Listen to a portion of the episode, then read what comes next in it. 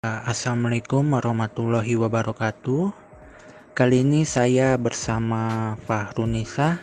Kami akan podcast tentang PHP ya atau pemberi harapan palsu.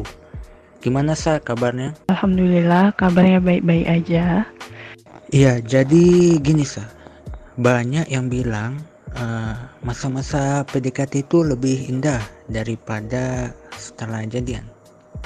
Tapi nggak banyak juga orang yang merasa kayak dibohongin gitu atau lebih tepatnya di PHP-in.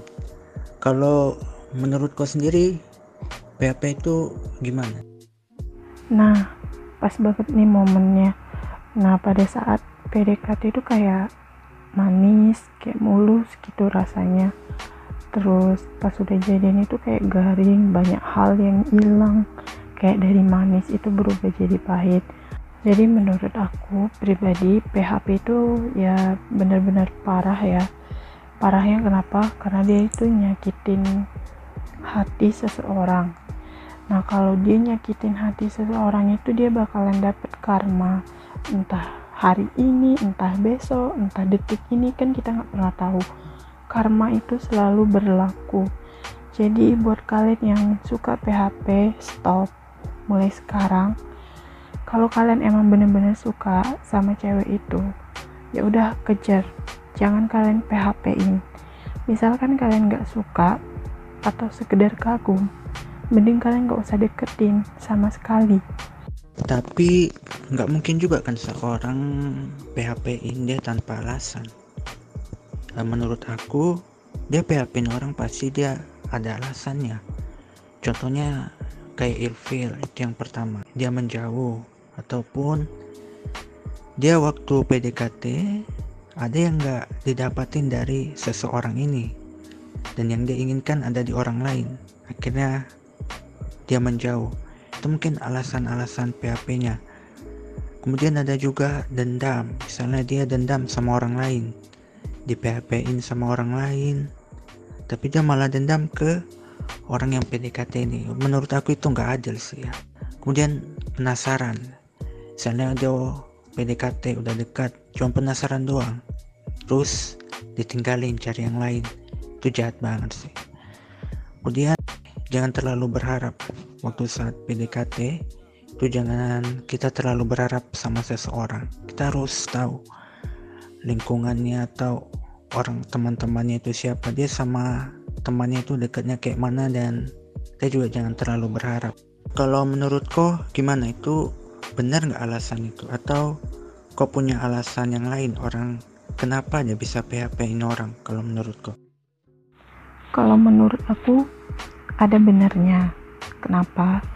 Karena di siklus perkenalan itu kita harus emang benar-benar tahu gitu orang yang tersebut itu pantas atau cocok nggak buat kita Nah, di siklus perkenalan ini susah. Susah kenapa?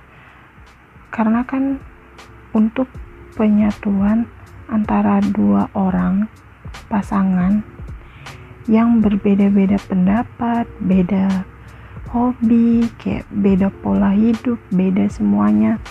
Nah, untuk mencari pasangan yang emang benar-benar cocok itu emang susah.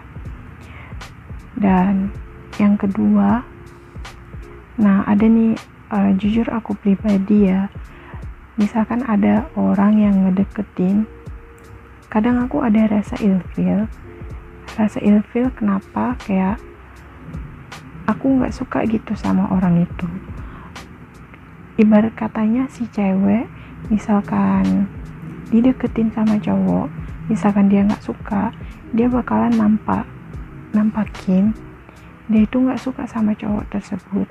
Tapi kalau cowok dia netral sehingga si cewek ini nggak tahu dia itu PHP atau bukan gitu. Menurut aku sih terakhir Nisa kau ada pesan nggak untuk orang yang nge-PHP-in dan orang yang di PHP pesan dari aku untuk orang yang suka PHP mulai sekarang stop karena kalau kalian banyak menyakiti hati seseorang, karmanya bakalan lebih parah dari apa yang kalian perlakukan ke orang tersebut. Dan juga untuk orang yang suka memphp-kan orang lain, kalian juga harus stop. Karena orang itu udah berharap banyak kepada kalian. Bahkan kayak udah rela berkorban segala macam, tapi kalian PHP-in. Untuk sekarang ini, untuk yang PHP maupun yang suka PHP mending stop. Kalau menurut aku untuk orang yang di PHP-in itu is okay nggak apa-apa. Itu jadi pembelajaran buat kalian, pengalaman buat kalian dalam memilih seseorang. Itu membuat kalian jadi dewasa lagi, jadi kuat. Itu jadi orang yang lebih baik lagi maksud saya kalau untuk ini bisa jadi pembelajaran dan pengalaman untuk yang di PHP. Oh iya, sedikit tambahan dari aku. Kalau kalian memang udah menentukan pilihan kalian, jaga dia baik-baik. Jangan buat dia kecewa. Dan misalkan kalian emang udah nggak suka gitu atau kalian bosan, kalian lebih baik jujur. Oke, terima kasih Sah Fahrunisa telah bergabung di podcast ini telah sharing dan membagi cerita. Semoga kita bisa berbagi cerita lagi di cerita-cerita yang lainnya. thank you